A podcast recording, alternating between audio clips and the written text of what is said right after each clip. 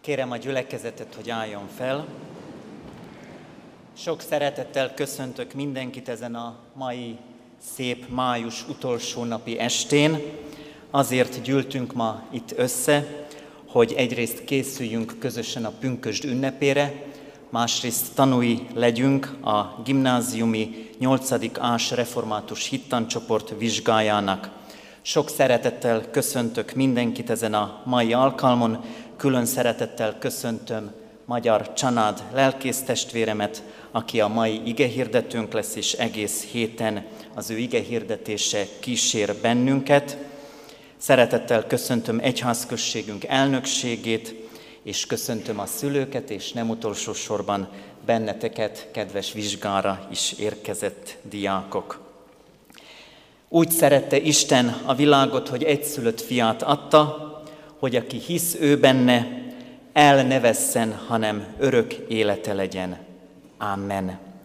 Ének szóval dicsérjük Istenünket, az első verset énekeljük még fennállva, majd a második verstől helyünket elfoglalva magasztaljuk Istent. Adj Úristen nékünk szent lelket, ez az 546. dicséret, a kivetítőn is kísérhető lesz a szöveg. Thank you.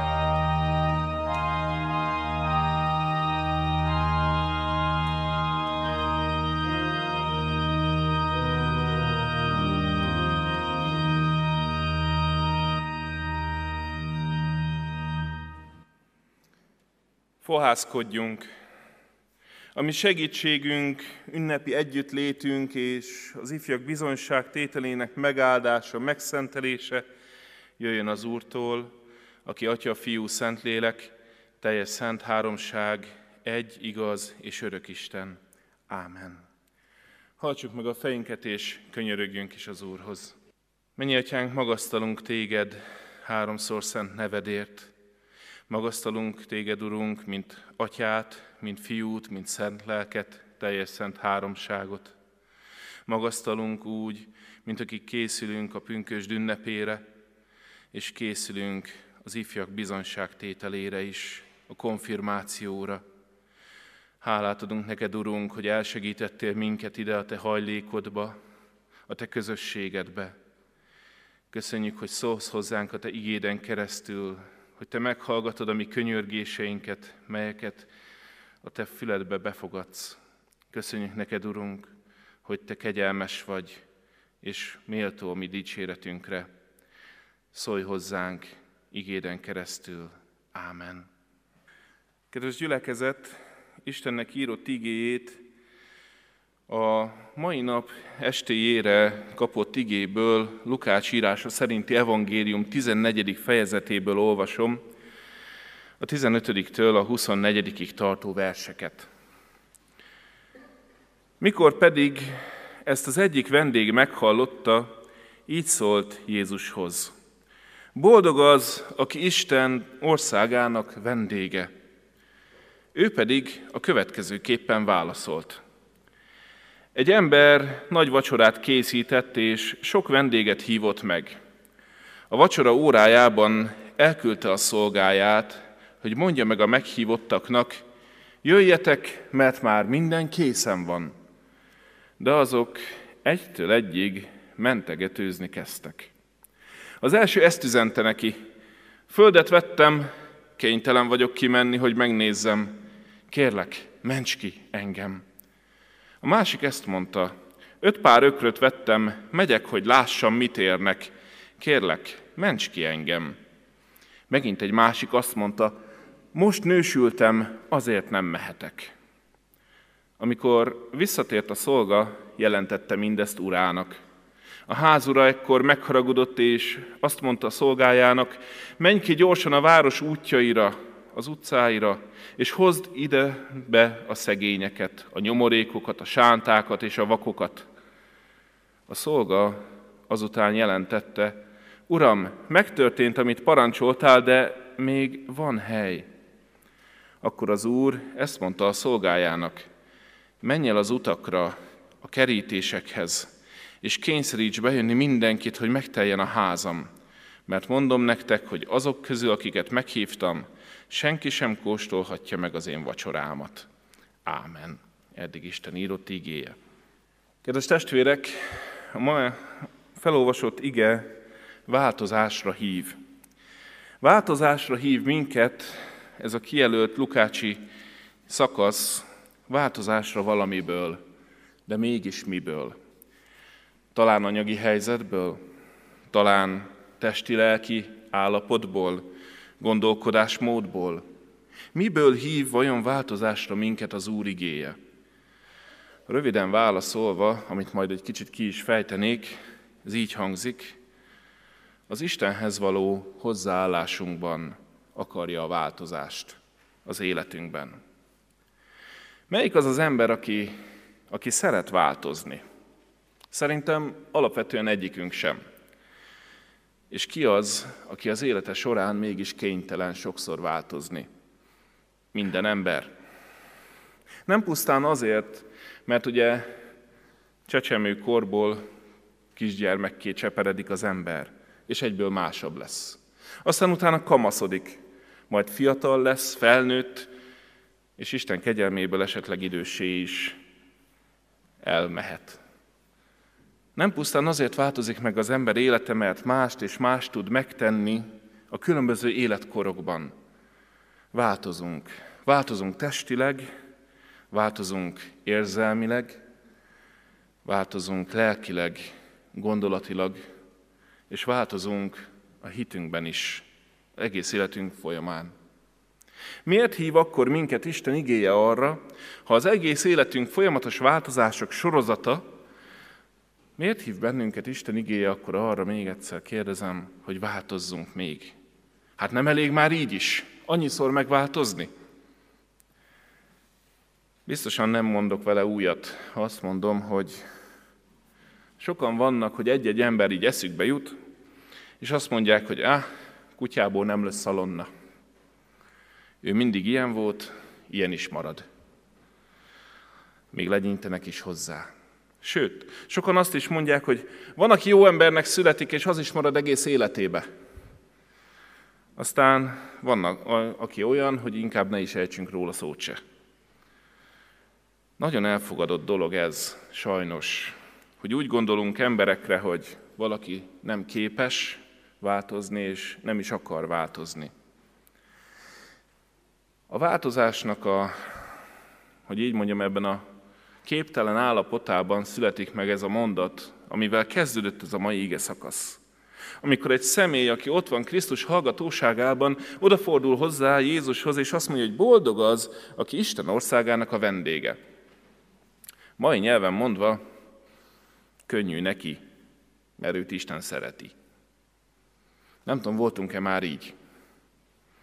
Nem nyíltan kimondva, de mégis belül bennünk ott volt az a, az irigy gondolat, hogy de könnyű annak a másiknak, mintha azt sugalnánk ilyenkor, hogy ha az én helyemben lenne, hát akkor bizony nem lenne neki ilyen könnyű.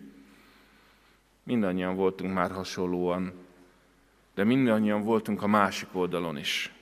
Amikor ránk mondták azt, hogy na, bezzeg, annak könnyű. Most hozok egy személyes példát erre nézve, sokszor megkaptam ezt, hogy bezzeg nekem könnyű, amikor ide jártam a református gimnáziumba lelkész gyerekként, mondták is nekem az osztálytársak, na, család neked könnyű. Aztán eltelt pár év, volt egy jó barátom, aki felvételizett az orvosira, föl is vették, legyintettünk is neki egyből, na, orvos gyerek vagy, neked könnyű. Tudnánk sorolni sokáig ezeket, nem? Miért is hozom e- mégis ide ezeket a dolgokat? Azért, mert keresztényként sokszor megkapjuk másoktól, hogy neked könnyű. Neked könnyű hinni. Neked könnyű úgy élni. Neked könnyű boldognak lenni. Neked könnyű bízni Istenben. Neked könnyű bemenni a templomba, kinyitni a Bibliát, olvasni azt, megérteni, imádkozni. Lehetne sorá, sorolni nagyon sokáig ezeket. Neked könnyű. Akik keresztények vagyunk, Isten gyermekei, könnyű. Annak a tudata, hogy az Úrhoz tartozok, könnyű és boldoggá tesz. Az a jó, ha igen, de nagyon sokszor azon múlik a dolog, hogy én tudok-e változtatni a gondolataimon. Amikor az egész világ körülöttem másfelé megy, hogy én meg akarok-e változni olyanra, amit az Úr akar én tőlem. Mert ha olyan leszek, akkor könnyű, és akkor boldog leszek. Krisztus elmondja ezt a történetet, amit most hallottunk az előbb, hogy van egy lakoma, ami elkészül, és a ház ura rendelkezik egy listával. Nem tudjuk, milyen hosszú ez a lista, de rajta vannak a, nem, a vendégeknek a sorai, a neveik. Milyen jó. Hasznos, hogyha valakinek van vendéglistája.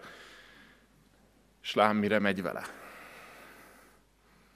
Nem korábban, nehogy zavarja a vendégeket a készülődésben vagy a munkájukban, nem sokkal korábban, de abban az órában, hogy kezdődne az a lakoma, az a vacsora, szól, jelez, emlékezteti őket, hogy várunk szeretettel, gyere el a vacsorára. Mintha most a telefonon valakinek csipogna az emlékeztető, hogy hú, tényleg elnekéssek, ott kell lenni időbe.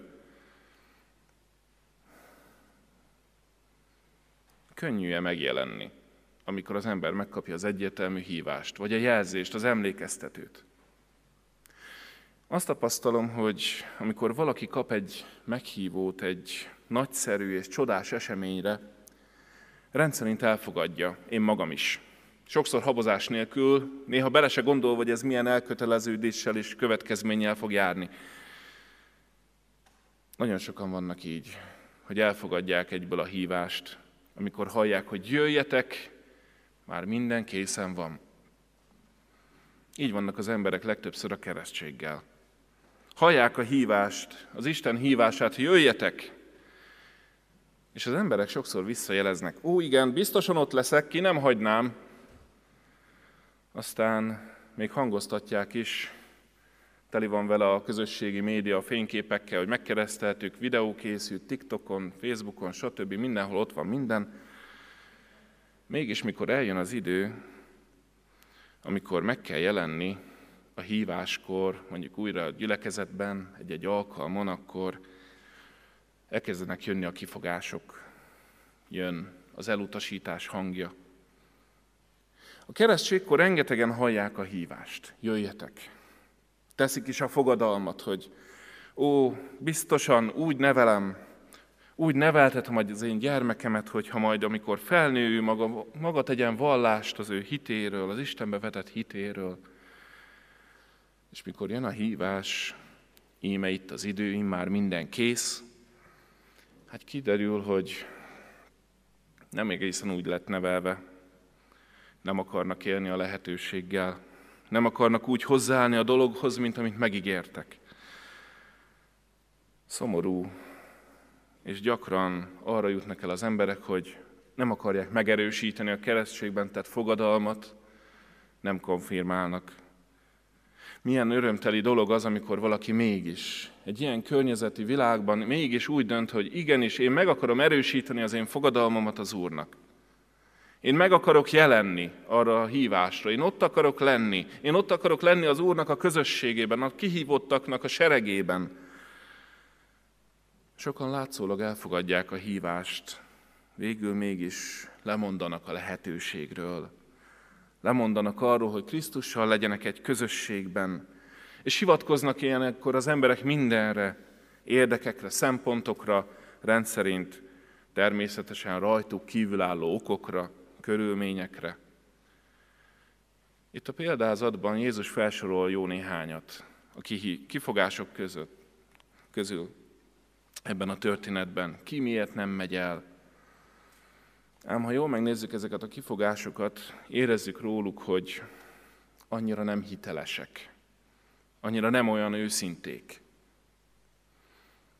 Istennel szemben a kifogások egyszer, hogy így mondjam, elegek lesznek. Istennek egy idő után elege van ezekből.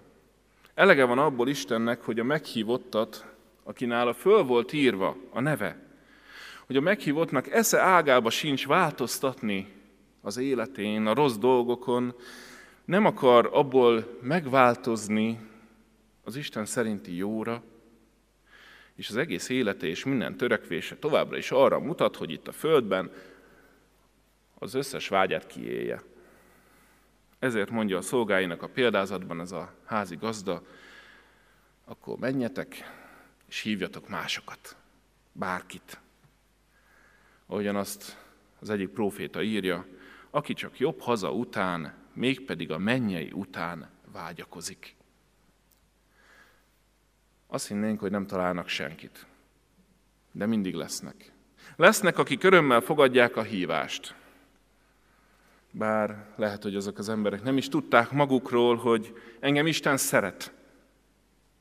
Én is olyan sokszor találkoztam már ilyen gyülekezeti tagokkal, évtizedes gyülekezeti tagokkal, akik elmondták, hogy ők, amikor először átlépték egy templomnak a kapuját, az úgy történt, hogy már régen felnőtt volt, és akkor szólította meg őt az Úr, váratlanul, az utcán, a kerítésen keresztül, egy bajban, bárhogy és megtapasztalta, milyen az, hogy őt hívják. Megtapasztalta, hogy milyen öröm, hogy ő kell valahova, és milyen boldogság költözött ő belé ezért, hogy ő tényleg, igazán várják szeretettel. És igaz lesz az ilyen emberre az, ami először gunyorosan hangzik el, hogy boldog az, aki Isten országának a vendége. Mert tényleg boldog. Ez az ige arról beszél, hogyha valaki nem fogadná el az Istennek a hívását, akkor az Úr nem keseredik el. Egyszerűen állít a helyére valaki mást. Majd elhív valaki mást. Mózes 5. könyvében azt olvassuk, arról olvasunk, hogy a nép, Istennek a népe, semmit érő istenekkel bosszantja az urat. Haszontalan bálványokkal bosszantja Istent. És Isten ezt egy idő után megelégeli, és semmit érő néppel teszi féltékenyé, ahogyan olvassuk, bolond nemzettel bosszantja az övéit. És azt mondja az Úr, hogy megtalál az, aki nem keresett, és megjelenek azoknak, akik nem kérdezősködnek utánam. Azért történik ilyesmi, kedves testvérek, mert akiket először hív az Úr, sokszor nem hallgatnak a hívó szóra. Nem akarnak megváltozni, nem akarnak elmenni. Nem akarják megerősíteni a fogadalmakat. Az a nép, amely hajlandó elfelejteni Isten csodáit az ő életében, ahelyett Isten állít más népet. Az a család, mely hajlandó elfelejteni Isten nagy tetteit az ő életükben, az is így jár. Az az ember, aki nem hajlandó elfogadni Isten hívását, az is úgy jár, ahogyan arról Jézus tesz bizonyságot, amikor azt mondja, hogy ha ezek elhallgatnak, a kövek fognak kiáltani. Mert Isten mindig tud magának követőt állítani, rendelni. De azt szeretné, ha már meglevők mellé jönnének az újak. Azt szeretné, hogy ne helyettünk, hanem mi mellénk jöjjenek még. Így kötődünk ma a fiatalokhoz, akik szépen kiöltözve, odabent lelkileg biztos nagyon izgulva, itt ülnek a padokban, várják a sorukat. Ők, akik konfirmációra készültek, jöttek. Mert hallották a hívást, jöjjetek, mert már minden készen van. Jól tettétek, hogy jöttetek, mert már minden készen van számotokra. És íme, itt vagytok. Itt vagytok, hogy bizonyságot tegyetek arról, hogy mi mindenen kellett változtatni a gondolatotokban, a szívetekben, amikor az Úrral először találkoztatok, és ahhoz képest most hol vagytok. Eljöttetek, mert Isten szent lelke megszólított titeket, és arra indított, hogy akarjatok élni azzal a vacsorával, amit az Úr nektek készített elő.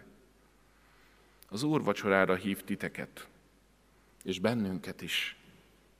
Hogy bizonyságunk legyen, és a ti bizonyság tételetek bennünket erősít, akik már ezt letettük. A mi hűség eskünket is erősíti, mert az Úr hívását mi is hallottuk egyszer, és mi is igent mondtunk, és eljöttünk.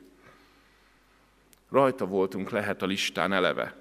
Lehet, hogy az utcáról kellett bennünket megszólítani, lehet, hogy csonka-bonka állapotban voltunk testileg vagy lelkileg, lehet, hogy valószínűtlennek tűnt számunkra, hogy az Úr bennünket megszólít, hogy meghallom az ő szavát, de hallottam, hogy jöjjek, és itt vagyok, és minden kész van.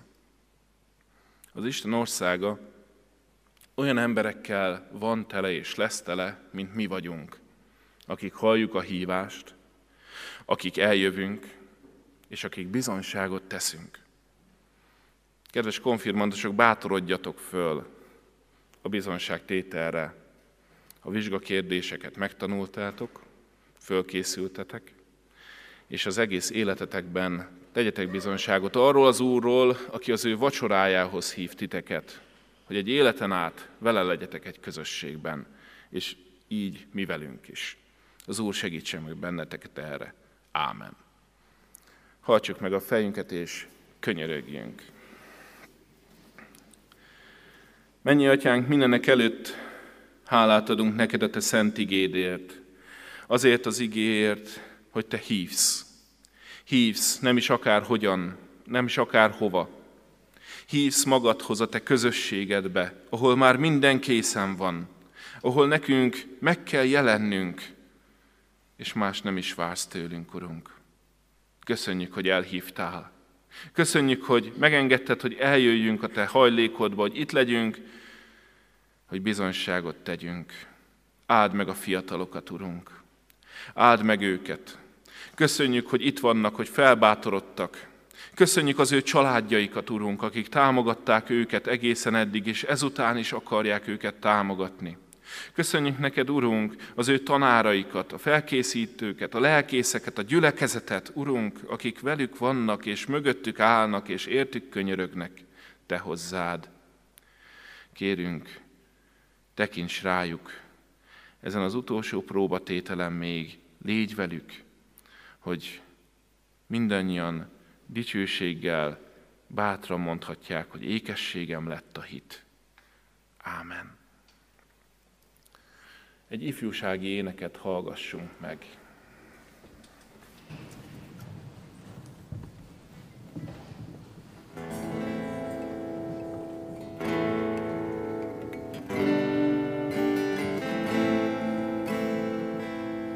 Sokszor úgy érzem összeroskadok,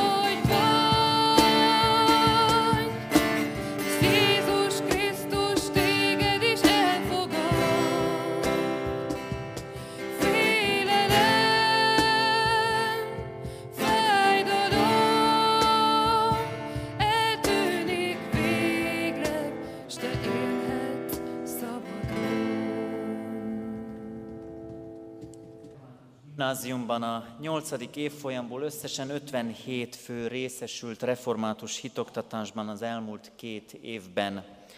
Közülük szeretettel mutatom be ma az itt megjelenő 8. A osztály, illetve annak 27 fős csoportját, és egy fiatalt a 8.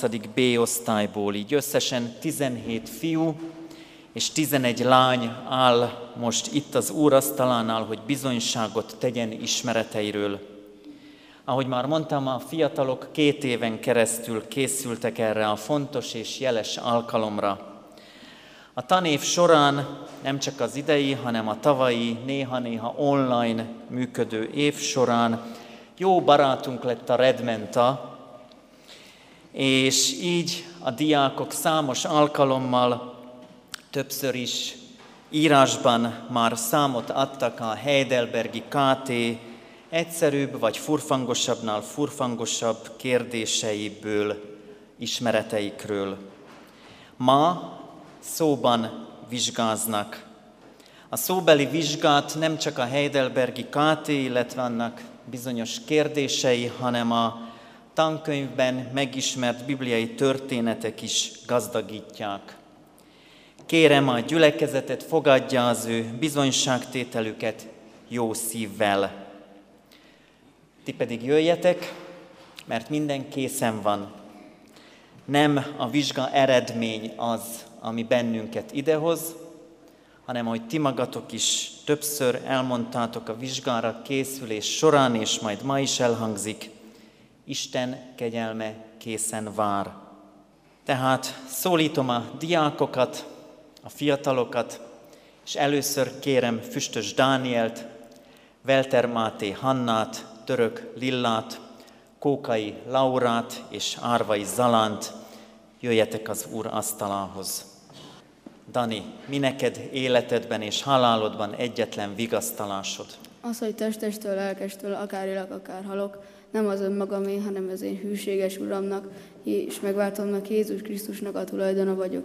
Az ő drága vérével minden bűnömért maradéktalanul megfizetett, és az ördög hatalmából megszabadított.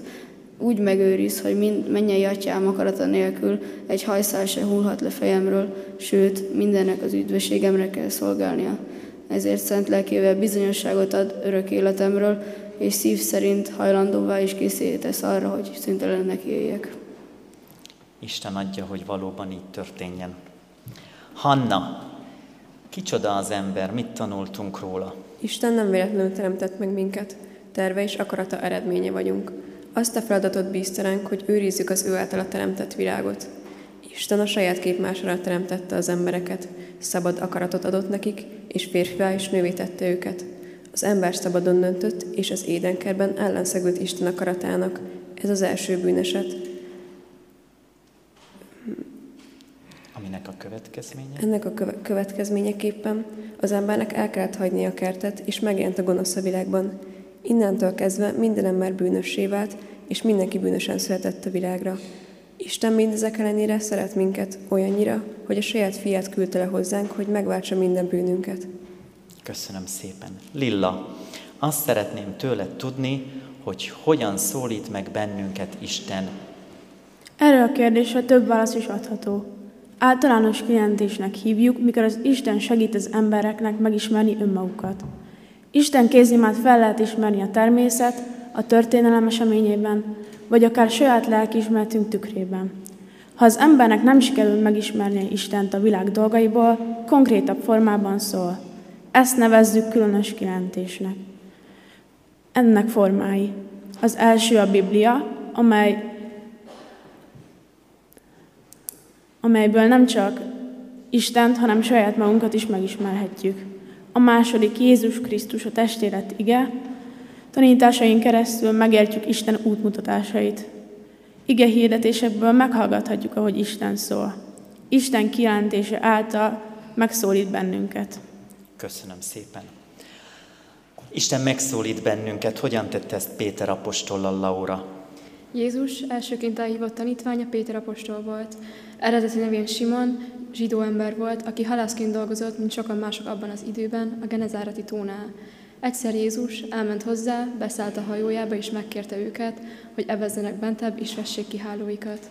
Simon és társai bár egész este fáradoztak, mégsem fogtak semmit, de Jézus szavára mégis megtették.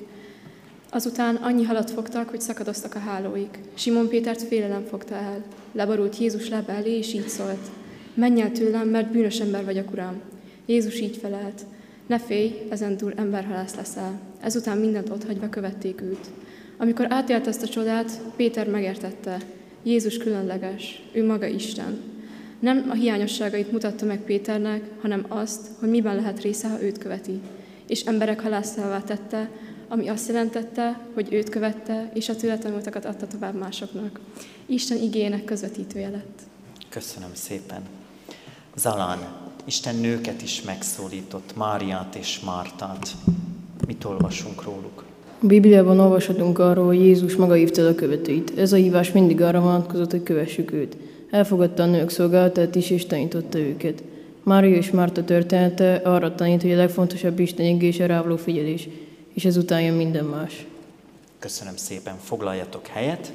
Szólítom Gerge, Gergely Linát, Molnár Csanádot, Bakos Petrát és Halász Gergőt.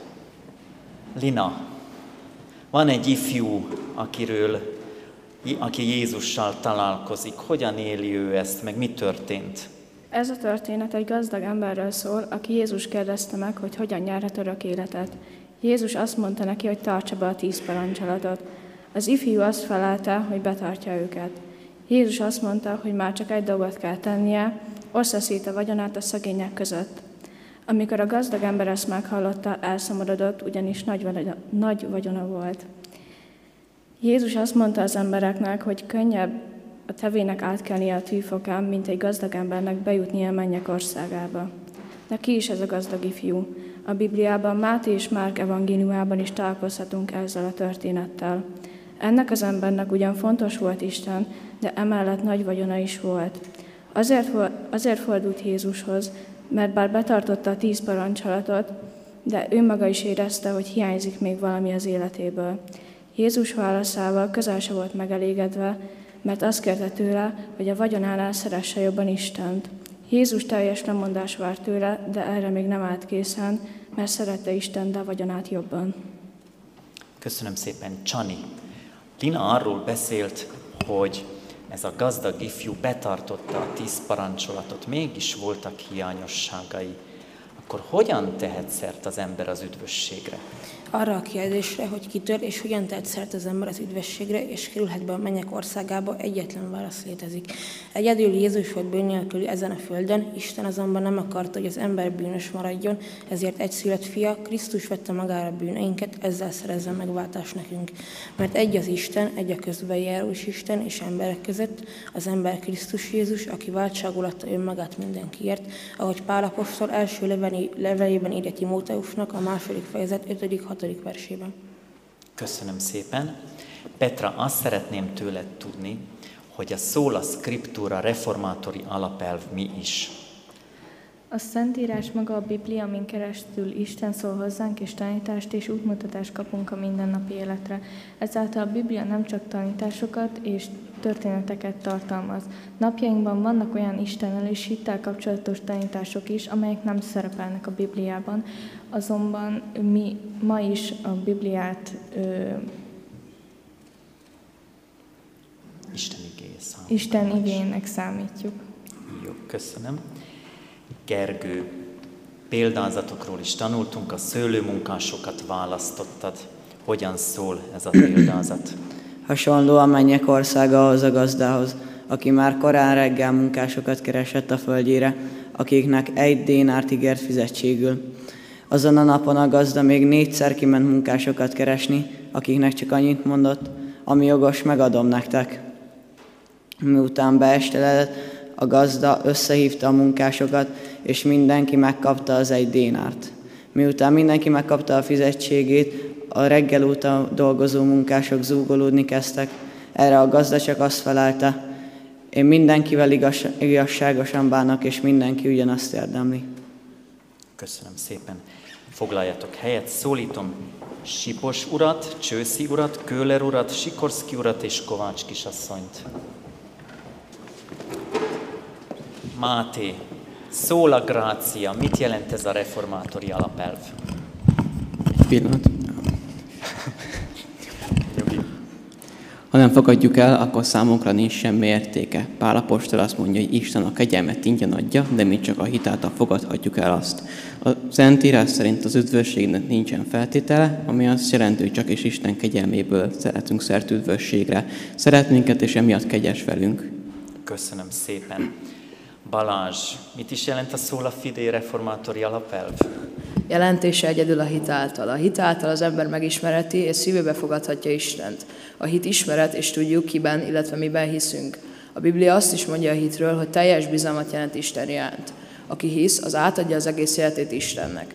Törekednünk kell arra, hogy mindennapi cselekedeteinkben, tetteinkben láthatóvá váljon, hogy Istenhez tartozunk. Köszönöm szépen. Milán, hogy foglaljuk össze ezt a négy reformátori alapelvet, a Solideo Gloria mit akar? Egyedül Isteni a dicsőség. Ez a többi négy szóla összefoglalása. Ez arról szól, hogy az ember felszabadítója Isten. Ő akarta és végezte a megváltást, ő az ő szent lelke adja a hitet az embernek, és senki más nem dicsőíthetünk ezért. A hívő ember felfedezheti Istent az életünkben, és ahogy vezet, segít bennünket. Ez azt is jelenti, hogy bármi éri, azért az Istennek ad hálát, és úgy kell élnie, hogy tettei látható legyen a hite. Köszönöm szépen. Sikorszki úr, mit hiszel az Anya Szent Egyházról? Hiszem, hogy Isten fia a világ kezdetétől, a világ végzetéig, az egész emberi nemzetségből, szent lelke és igéje által igaz hitben megegyező, örök életre kiválasztott gyülekezet gyűjt magának. Ezt oltalmazza és megtartja. Hiszem, hogy ennek a gyülekezetnek én is élő tagja vagyok, és örökké az is maradok. Köszönöm szépen. Azt szeretném kérdezni Dorka tőled, hogy Sikorszki úr beszélt az egyházról, mit tudsz te a református egyházról nekünk elmondani? Az egyház olyan emberek közössége, akik felismerték, hogy Isten megváltoztatja őket. Ezek az emberek már egy közösséget alkotnak Péter apostol prédikációja óta, ahol közel ára 3000 ember tért meg, akik később az első gyülekezet tagjai lettek. A gyülekezetek, gyülekezeteket a lelkipásztorok és a presbiterek irányítják. Az egyház feje Jézus Krisztus, ezért az egyházat Krisztus testének is nevezzük. Magyarországon az egyházat megyék szerint is felbontjuk. 27 egy, egyházmegye található az országunkban. Ezeknek a vezetőjük az esperesek, akiket az, egy, az egyházmegyékben található lelkipásztorok közül választanak ki. Négy egyházkerület található az országunkban. Ezeknek a vezetőjük a püspökök, akiket az egyházkerületekben található lelkészek közül választanak ki. A zsinat az egyházvezetés csúcsa. Törvényhozó és rendelkező, a tagjait hat évre választják. Köszönöm szépen. Foglaljatok helyet. Pihenjünk egy kicsit, mondhatnám. Ti nem, hanem most jön az ének, amivel készültetek.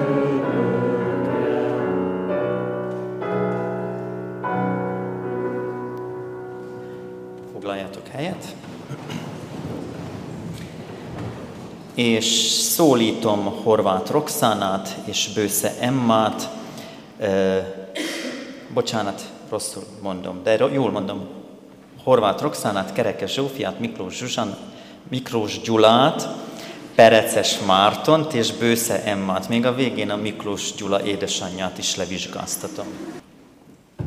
Horváth Roxána és Bősze Emma, gyertek közelebb, és a biztonság kedvéért nem mintha nem tudnátok, de azért nekem mégiscsak jobb lesz, ha szöveggel kísérem azt, amit mondotok, mert ha véletlenül izgulnátok, akkor a végén én fogom elrontani, hogy nem tudok segíteni. Na, első parancsolat, és a második Roxana. Én az Úr vagyok, a te Istened, aki kihoztalak Egyiptom földjéről, a szolgaság házából, ne legyen más Istened rajtam kívül. Ne csinálj magadnak semmiféle Isten szobrot azoknak a képmására, amik fenn az égben, lenn a földön, vagy föld alatt a vizekben vannak. Ne imád és ne tiszteld azokat, mert én az Úr, a te Istened, féltön szerető Isten vagyok. Megbüntetem az atyák bűnéért a fiakat is harmad és negyed ízig, ha gyűlölnek engem, de irgalmasan bánok azokkal, akik szeretnek és megtartják parancsolataimat. Harmadik és negyedik parancsolat. Nem mond ki hiába Istenednek az Úrnak a nevét, mert az Úr nem hagyja büntetés nélkül, ha valaki hiába mondja ki a nevét. Emlékezz meg a szombat napjára, és szenteld meg azt. Hat napon át dolgoz és végezz el mindenféle munkádat, de a hetedik nap a te Istenednek, az Úrnak a szombatja. Semmiféle munkát ne végezz ezen a napon, se te, se fiad, se lányod, se szolgád, se szolgálod, se állatod, se kapuidon belül tartózkodó jövevény, mert hat nap alatt alkotta meg az Úr az eget, a földet, a tengert és mindent, ami azokban van, a hetedik napon pedig megpihent. Ezért az Úr megáldotta és megszentelte a szombat napját. Köszönöm szépen, a gyors vonatról majd tessék leszállni azért. Kérem szépen, hogy hogy szól az ötödik parancsolat. Tiszteld apádat és anyádat, hogy hosszú ideig élhess azon a földön, amelyet Istened az Úr ad neked. Hatodik parancsolat. Ne ölj, Hetedik. Ne paráználkodj, Nyolcadik. ne lopj, Kilencedik. ne tanúskodj hamisan fel a barátod ellen. És a tizedik. ne kívánt fel a barátod házát, ne kívánt fel a barátod feleségét, se szolgáját, se szolgálóját, se ökrét, se szamarát, se semmit, ami a te fele barátodé.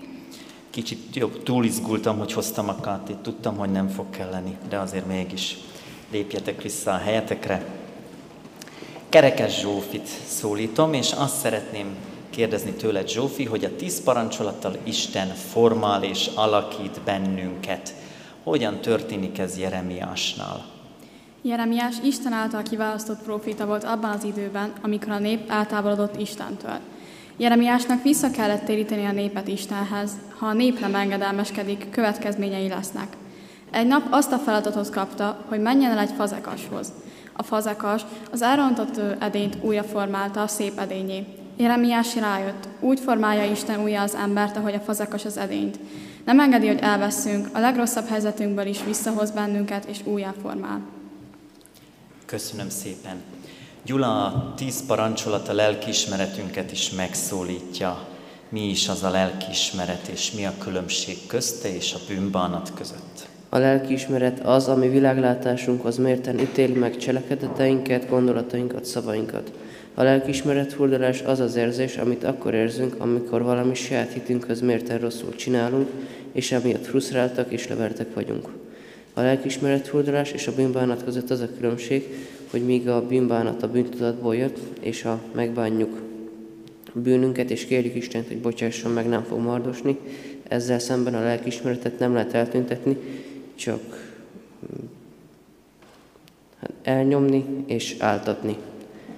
A bűnvalló imádság felismeri, felismeri és bevallja az által elkövetett bűnöket, kér Isten bocsánatát, és hogy ne kövesse el máskor sem az, sem más bűnöket. Köszönöm szépen.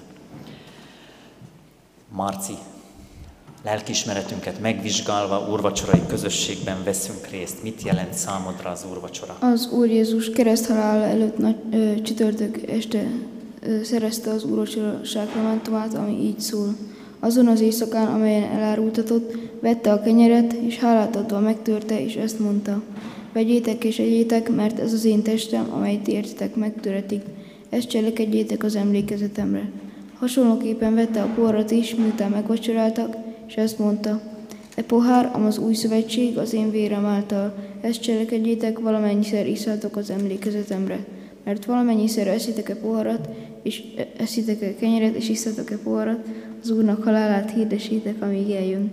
Az Úr ö, asztalához igazi bűnbánattal készülök, részt veszek az Isten tiszteleteken, megbocsátok azoknak, akik megbántottak, és bocsánatot kérek azoktól, akiket én bántottam meg. Az Úr vacsorában látható jegy, a kenyér és a bor, az Úr Jézus ki, ö, megtöretett testét és kiontatott vérét jelképezik. Az Úr vacsorához fűződik az az ígéret is, aki, aki, aki eszi az én testem és issza az én vérem, az üdvözül.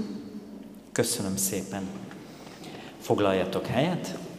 Farkasinszki Lehel, Szappanos Hanna, Nagy Norman és Lévai Márton következnek. Lehel gyógyítási történetet választottál, mondd el nekünk. Egy ünnep kezdetekor történt Jézus egyik csodatétele, melyel ismét bizonyságot tesz, hogy ő Isten fia, és hatalma van még a kilátástalannak tűnő helyzetek fölött is. Ez a csodálatos gyógyítás a Betesda tavánál történt, ahol sok koldus és beteg ember várta a csodát, mert az úr angyala időnként leszállt a medencére és felkavarta a vizet. Aki elsőnek lépett bele a víz felkavarása után, egészséges lett, bármilyen betegségben is szenvedett. Volt ott egy ember, aki 38 éve szenvedett betegségében. Amikor látta Jézus, hogy ott fekszik, és megtudta, hogy már milyen hosszú ideje, megkérdezte tőle, akarsz-e meggyógyulni? A beteg erre így válaszolt, Uram, nincs emberem, hogy amint felkavarodik a víz, beemeljen a medencébe. Amíg én odaérek, más lép be előttem. Jézus erre így szólt, kelj fel, vedd az ágyadat, és járj. Erre a beteg ember azonnal meggyógyult, felvette az ágyát, és járt. Jézus ebben a történetben rámutatott arra, hogy a valódi gyógyulás az, ha valaki az Isten akarata szerint él. Köszönöm szépen. Hanna, ebben a történetben az Atya Istent is megismerjük. Kicsoda ő? Jézus Krisztus örökkévaló Atya, aki a mennyet és a földet minden benne lévőkkel együtt teremtette, fenntartja és igazgatja. Nem kételkedem, hogy minden testi-lelki szükségemre gondot visel, sőt a rosszat is javamra fordítja. Mindenható Isten és hűséges Atya, szilárdan kezében tart, és minden az ő hűséges atyai kezéből származik. Gondviseléséért türelmes és hálás vagyok, és tudom, hogy szeretetétől senki és semmi nem választhat el. Örülünk, hogy Isten gondviselése olyan jó, hogy itt vagy ma velünk. Nagy Norman, a Fiú Istenről beszél nekünk. A Fiú Isten, ami megváltunk, akit az Atya rendelt nekünk. Ő szabadít meg bűneinktől, és másnál nem kereshetünk üdvösséget, hiszen ezzel megtagadnánk őt. Azért nevezzük őt Krisztusnak, azaz Fánkennek, mert az Atya a szent lelkével fánkente a mi legfőbb profitánká, továbbá örökkivelő királyunká, aki minket igéjével és szent lelkével kormányoz, és a megszerzett üdvösségben oltalmaz és megtart. Köszönöm szépen. Márton, Szentlélek Istenről beszél nekünk. A Szentlélek a Szent Háromság harmadik tagja az Atyával és a Fiúval. Hiszem róla, hogy ő nekem is adott, és engem igaz hitáltal Krisztusnak és Krisztus minden jó téteményének részesévé tesz, és velem marad örökké. Az embereknek jelenlétének elfogadásához szükségük volt egy tanúra. A személye önmagára utal. A megváltás és a teremtés történetében felfedezzük annak bizonyítékát, hogy a Szentlélek a Szent Háromság harmadik tagjaként jó szántából vesz részt a tevékenységben. Köszönöm szépen. Foglaljatok helyet. Lévai Levente, Szalai Hunor, Horváth Pongó Olivér, Német Tamás és Bence Anna zárják a mai vizsgát. Levente, ünnepeinket mutasd be általánosságban. Keresztény ünnepeinket három ünnepkörre bonthatjuk fel. A karácsonyi, a húsvéti és a pünkösdi ünnepkörre. Karácsony során arra emlékezünk, hogy Isten megtartotta embernek adott ígéretét, és elküldte megváltó fiát, Jézus Krisztust emberi lényegben. Erre a megemlékezésre lelkünket az adventi időszakban készítjük fel. Szintén ebbe az ünnepkörbe tartozik az új év és a vízkereszt is. A húsvéti ünnepek hitünk legfontosabb megemlékezései. Ugyanis Jézus ekkor vette magára az emberiség bűneit, és kereszthalála által megváltást szerzett számunkra. Szintén ebben az időszakban gyakoroljuk a bőjtöt, amely az önmegtartóztatásra és az önmegtagadásra tanít bennünket. A A pünkösdi ünnepkör húsvét utáni 50. nappal kezdődik. Ekkor arra emlékezünk, hogy Isten nem hagyott magunkra fia Jézus Krisztus kereszt halála után sem, hanem elküldte közénk szent lelkét, aki mai napig jelen van életünk során. Köszönöm szépen. Hunor, karácsonykor ajándékot szoktunk kapni, csomagoljuk most ki ezt az ünnepkört. Karácsony, a karácsony ünnepkör advent első vasárnapjával kezdődik. Ez az időszak arra szolgál, hogy ráhangolódjunk az ünnepekre. A karácsony fő üzenete az, hogy Isten emberi formát öltött, és megígérte, hogy szabadítót küld a földre, olyat, aki képes elviselni a bűnök következményét. Ez a személy ember nem lehet, mivel az ember eleve bűnbe születik, és még a saját bűneiért se képes vállalni a következményeket, de Isten azt akarta, hogy az emberek békében és büntelenül éljenek. Ezért ő maga volt az, aki megváltott bennünket. Isten karácsonykor született, vagyis ekkor kezdődik a megváltás munkája, ezért ezt az ünnepet a szeretet ünnepének hívjuk. Köszönöm szépen. Olivér, a húsvéti nyuszin kívül mi történik még húsvétkor? Húsvéti üzenetek. Jézus váltságtettének alapjai. A főbb okok, Istentől való elfordulás, az igazság törvénye, a büntetés elszenvedése, a bűnök felvállalása helyettünk. Helyettünk jelentése, a mi bűneink felvállása miattunk, értünk, és amit kapunk Jézus önfeláldozása után, az örök, örök új élet és a bűnbocsánat. Húsvét Jézus Krisztus feltámadását és halál feletti győzelmet jelenti. Élő Istenünk van, ezt a feltámadást bizonyítja. Nem félhetünk, nem kell félnünk a haláltól vagy az elmúlástól. Jézus Krisztus keresztre feszítése és feltámadása erőt és hitet ad nekünk ahhoz, hogy Isten a halál után való életben is örömöt fog szerezni nekünk. Köszönöm szépen.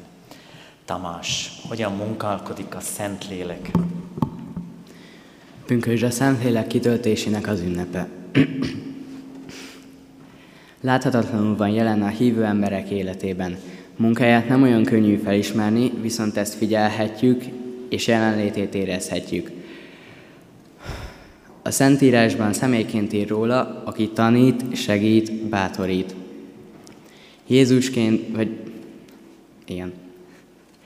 Jézus szerint ő tesz minket alkalmassá, hogy Isten szívünkbe fogadjuk, és kövessük akaratát. Jézus az igazság lelkének is nevezi, aki megmutatja nekünk, hogy mi, hogy mi igaz Isten szerint, mert ezt mi magunk nem tudjuk felismerni, de a Szentlélek segít saját bűneink és az Isten szerinti változás felismerésébe, felismerésére. Mindenki kaphat szent lelket, aki hisz Krisztusban. Ha Isten a szívünkben él a Szentlélek által, akkor a hívő ember élete megváltozik. A Biblia szerint a Szentlélek felismerhető tetteinkről. A lélek gyümölcse pedig szeretet, öröm, békesség, türelem, szívesség, jóság, hűség, szelítség, önmegtartóztatás. Köszönöm szépen. És a Szentlélek hitre hív bennünket. Anna, mi az igaz hit? Az igaz hit ismeret, amelynél fogva igaznak tartom mindazt, amelyet az Úr igéjében kijelentett, ám egyúttal szívvéli bizalom is, amelyet Szentlélek ébreszt bennem az evangélium által, hogy Isten nem csak másoknak, hanem nekem is bűnbocsánatot, örök igazságos, örök igazságot és üdvösséget ajándékoz ingyen kegyelméből egyedül Krisztus érdeméért. Köszönöm szépen. Foglaljatok helyet, és egy énekkel készüljünk az egyik édesanyának a felnőtt konfirmációs bizonyságtételére. Közösen énekeljük a 806. dicséretünket mind a négy versével, és azt követően következik a felnőtt konfirmációs bizonyságtétel. Thank you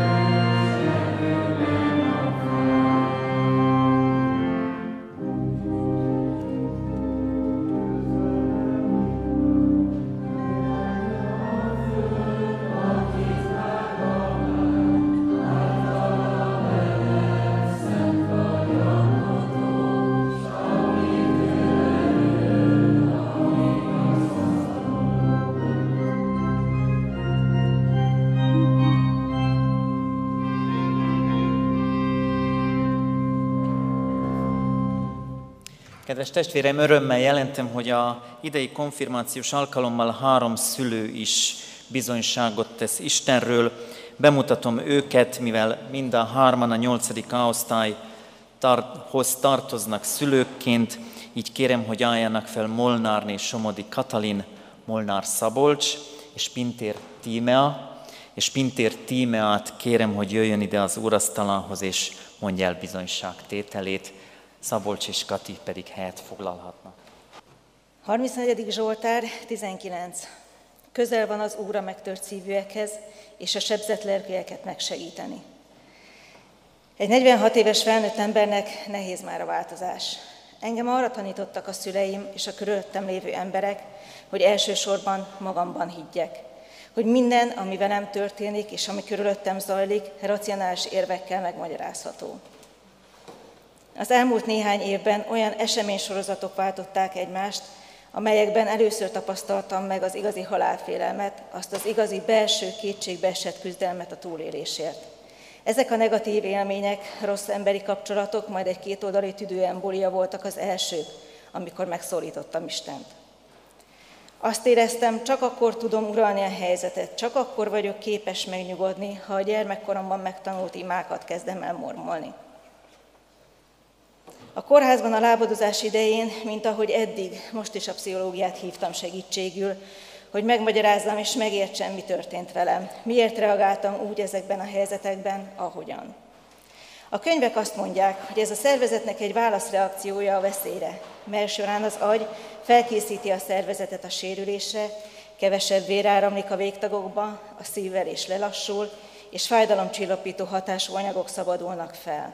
Az ember befelé fordul, és szépen lassan megszűnik a kapcsolata a külvilággal. Ezzel megvolt a magyarázat a racionális énemnek. És mégis valami nagyon hiányzott. A kórházban az orvosoktól és a nővérektől többször elhangzott, hogy rám vigyáznak odafentről. Az ő szavaikkal élve nekem vigyázó angyalkáim vannak. A bent töltött napok alatt volt időm azon gondolkozni, hogy mi ez a belső hiányérzet, de képtelen voltam megmagyarázni azt magamnak, hogy miért pont az imát, rajta keresztül pedig Istent szólítottam. Ma már tudom, hogy ezt az űrt Isten és a hit tölti be, és hogy minden történésemben és cselekedetemben ott volt a vigyázó keze, amely vezetett engem. A fiam lehetőséget kapott, hogy megkeresztelkedjen és konfirmációs fogadalmat tegyen. Ezen felbuzdulva csatlakoztam az egyik alfa csoporthoz, hogy azt, amit már tudok, hogy hiszek, azt elmélyítsem magamban. Tudom, hogy ez egy nagyon hosszú folyamat lesz, és hogy teljesen át kell magamat majd adni neki, és hogy el kell fogadnom az ő feltétel nélküli szeretetét és tanításait. Az alfán találkoztam először azzal, hogy milyen érzés az, mikor idegen emberek imát mondanak értünk. Hogy milyen az az érzés, amikor néhány beszélgetés után azt mondják az embernek, hogy neked óriási szíved van, tele van szeretettel, és hogy téged nagyon lehet szeretni. És hogy milyen az az igazi, teljes megkönnyebbülést hozó sírás. Egyre többet beszélgetek hívőkkel, akik abban is segítenek, hogy megértsem azt, hogy félre kell tennem a racionális gondolkodásomat vele kapcsolatban, hiszen őt az emberi elme fel nem foghatja. Ő nem tolakodik, hanem vár. Megvárja, amíg kinyitom a szívem ajtaját, és behívom rajta. 91-es Zsoltár 15-16. Ha hozzám fordul, meghallgatom. Minden szükségben közel vagyok hozzá, megszabadítom, és dicsőséget szerzek neki. Napok teljességével áldom meg, és megmutatom néki üdvösségemet. Ilyenkor a vizsga után az történik, hogy a vizsgát el kell fogadni. Ennek a szép feladatnak remélem eleget tesz Simonné Bakó Mária főgondnok asszony, a Kecskeméti Református Egyházközség főgondnoka, így kérdezem, elfogadja a vizsgázók és a konfirmandusok bizonyságtételét. Kedves fiatalok! Az elmúlt néhány hétben kezdtük el a Biblia olvasó kalóz szerint az Efézusi levelet olvasni a Bibliából. Az első fejezetben olvashatjuk, hallottam az Úr Jézusban való hitetekről, és úgy folytatódik, hogy az apostol imádkozik azért, hogy a gyülekezet, az ott élők hite gyarapodjon, erősödjön, És mi is így imádkoztunk értetek a gyülekezet, mert tudtuk, hogy jöttök ide bizonyságot tenni az Úr, és, az Úr színe és a gyülekezet színe előtt. Szeretettel köszöntelek benneteket itt az Isten házába, a lelki otthonunkban. Bizonyságot tettetek az Úr és a gyülekezet színe előtt, tudásotokról hallottunk, szépen felkészültetek, ismeritek a református egyház tanításait. Köszönjük Pintér Tíme a bizonyságtételét, szívünket, lelkünket melegítő gondolatait. Mint ahogy az ige hirdetésben is elhangzott, hogy az Úristen szólít bennünket, mint hogy Ézsaiás is szólít, azt mondja, hogy neveden szólítottalak, enyém vagy. És nagyon örülünk annak, amikor egy-egy felnőtt meghallja a hívó szót, és eljön és bizonyságot tesz itt az Isten házába, az Úr színe előtt és a gyülekezet előtt. Örülünk, és Isten hozott benneteket, és várjuk a ti bizonyságot, tételeteket is vasárnap. Tisztemnél fogva a Kecskeméti Református Egyházközség presbitériuma nevében a vizsgázó konfirmandusok bizonyságtételét elfogadom. Imádságban kérjük, hogy emelje fölétek az Úr áldása kupoláját. A konfirmáció vizsgátokon ismeritek, bizonyságot tettetek arról, hogy sok mindent tudtok már, és pünkös napján fogadalmat fogtok tenni a hitéletetek folytatásáról. Mindezek a felnőtt kereszténység első lépései, azonban tovább kell gyarapítani az Isten ismereteteket, és ezt megtehetitek a gyülekezet közösségben, az ifiben. Ebben tud nektek segíteni a felkészítő tanárotok, nagy tiszteletű úr, akinek itt helyben köszönjük meg a felkészítő szolgálatát, és a szüleiteknek azt, hogy a kerességnél tett fogadalmatoknak eleget tettetek, és eljuttattátok a gyerekeket, hogy itt bizonyságot tegyenek az ő hitükről. És most már nem maradt más hátra, mint két meghívást adjak át nektek. Az első most június 4-én szombat estére szól, amikor az említett ifi közösség készül a ti köszöntésetekre egy zenés áhítattal. A gyülekezet közössége pedig készül egy szeretett vendégséggel, amelynek keretén belül beszélgethetünk veletek, szüleitekkel, itt kint, az áhítat után a templom előtti téren. A másik meghívás egy ünnepibb alkalomra szól, amely sorsdöntő a keresztény életetekben. Vasárnap, pünkösd első napján délután három órakor hívunk és várunk mindannyiótokat, szülőket, keresztszülőket, nagyszülőket egyaránt az ünnepi Isten tiszteletre, amikor is ígéretet tesztek arra, hogy hitetek szerint fogtok élni, és először vesztek urvacsari közösségben részt. Legyen az ünnepünk mindannyiunknak pünkösd ünnepe felemelő, és várjuk szombaton is, és vasárnap is mindannyiunkat. Áldás békességet! Hajtsuk meg a fejünket, és helyünkön imádkozzunk. Urunk, háládással köszönjük neked ennek a mai alkalomnak az örömteli pillanatait. Köszönjük a szívdobogást, ami esetleg a vizsga miatt történt. Köszönjük, Urunk, a meghívást, amit igéd által is tolmácsoltál, és amiben újra és újra megerősítesz bennünket, hogy Te hívsz bennünket, számolsz velünk, számon tartasz minket, Jézus Krisztus által gyermekeiddé fogadsz, és mi elfogadhatjuk a Te útmutatásodat, gondviselő kegyelmedet, szeretetedet. Addurunk, hogy törekedjünk arra, hogy mindaz, amiről ma itt a fiatalok egyesével is számot adtak, és nyilván kölcsönösen is tudhatják a másik válaszát, hiszen Együtt töltöttük azt az időt, amíg ezekkel a történetekkel és kérdésekkel ismerkedtünk. Azok ne csak tudásként jelenjenek meg, hanem, ahogy a KT kérdés mondja, szívbéli bizalommal váljon a Te igéd, a Te ismereted mi bennünk. Nyisd meg a szívünket, Urunk, nyisd meg a Te örömödre, a Te áldásodra, a Te kegyelmedre, gyógyító hatalmadra, megváltásod örömére hívj és tarts meg ebben bennünket, Urunk. És szenteld meg a veled való közösséget, aminek jelére és pecsétjének fogadására készülünk a pünkösd ünnepén az úrvacsora alkalmával. Segíts bennünket kegyelmeddel.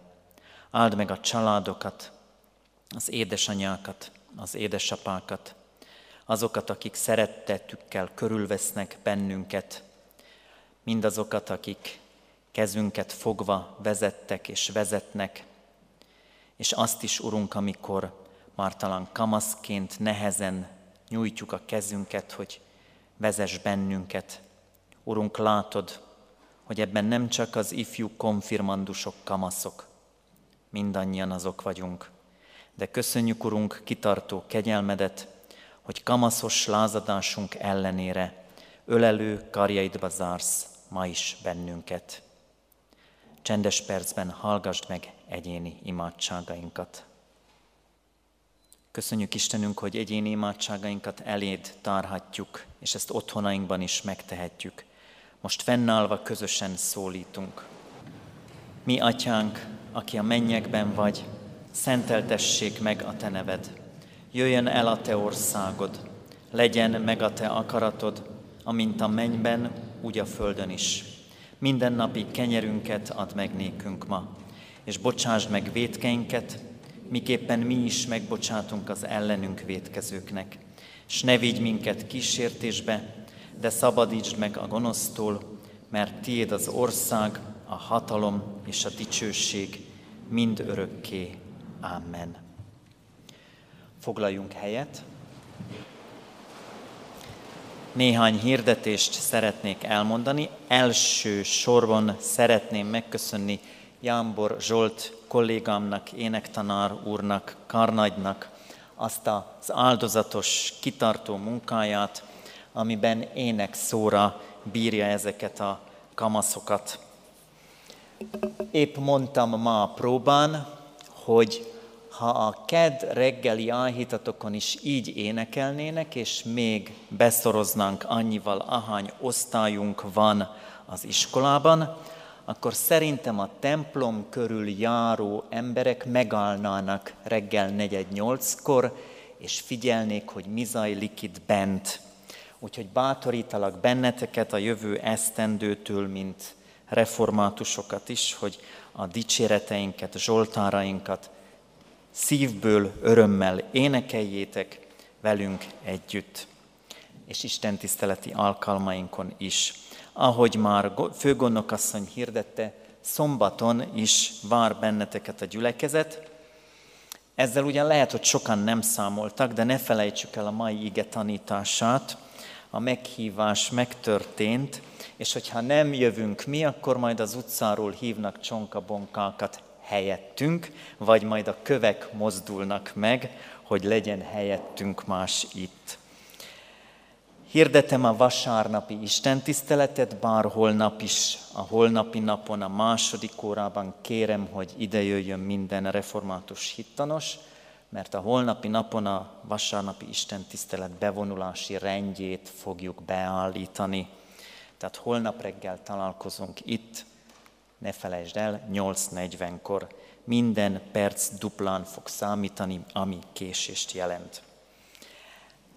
Vasárnap se kés el, miután megebédeltél, fél háromkor várunk itt, családjaitokkal, ünneplő gyülekezetünkkel együtt fél háromra érkezzetek meg, legyetek szívesek, öt, három órakor kezdődik az Isten tisztelet. A vasárnapi öltözet is egyenruha, és tegyetek a zsebetekbe pénzt, mert az adakozás az az Isten tisztelet hálaadó része. Mindaz, amit kapunk, abból valami keveset vissza tudunk adni ezzel az adományjal Istennek. És végezetül a kivonulás rendjét mondom. A kivonulás rendjén a torony felé fogunk kimenni, tehát nem ott, ahol bejöttünk, ezt nem próbáltuk el, ez spontán módon fog menni. Elindulunk arra azon az ajtón kifelé a záróének után, és a záró ének után kérem a gyülekezet többi tagját, hogy addig, amíg mi kivonulunk, maradjanak a helyükön, és azt az ajtót, amelyeken mi vonulunk ki, ne használják, mert ott egy csoportkép készül.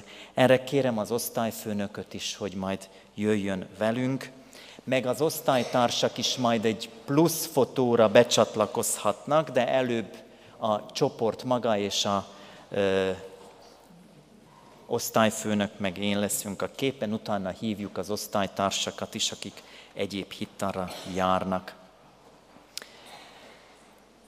Áldás következik, majd záróének, és a záróének után kivonulás. Fennállva fogadjuk Istenünk áldását. Tegyetek fogadalmat Istennek, és tartsátok meg ti, akik körülötte vagytok. A minden kegyelemnek Istene pedig, aki elhívott titeket Krisztusban, ő az örök dicsőségére maga fog benneteket felkészíteni, megszilárdítani, megerősíteni és megalapozni. Övé a dicsőség és a hatalom mindörökké. Amen.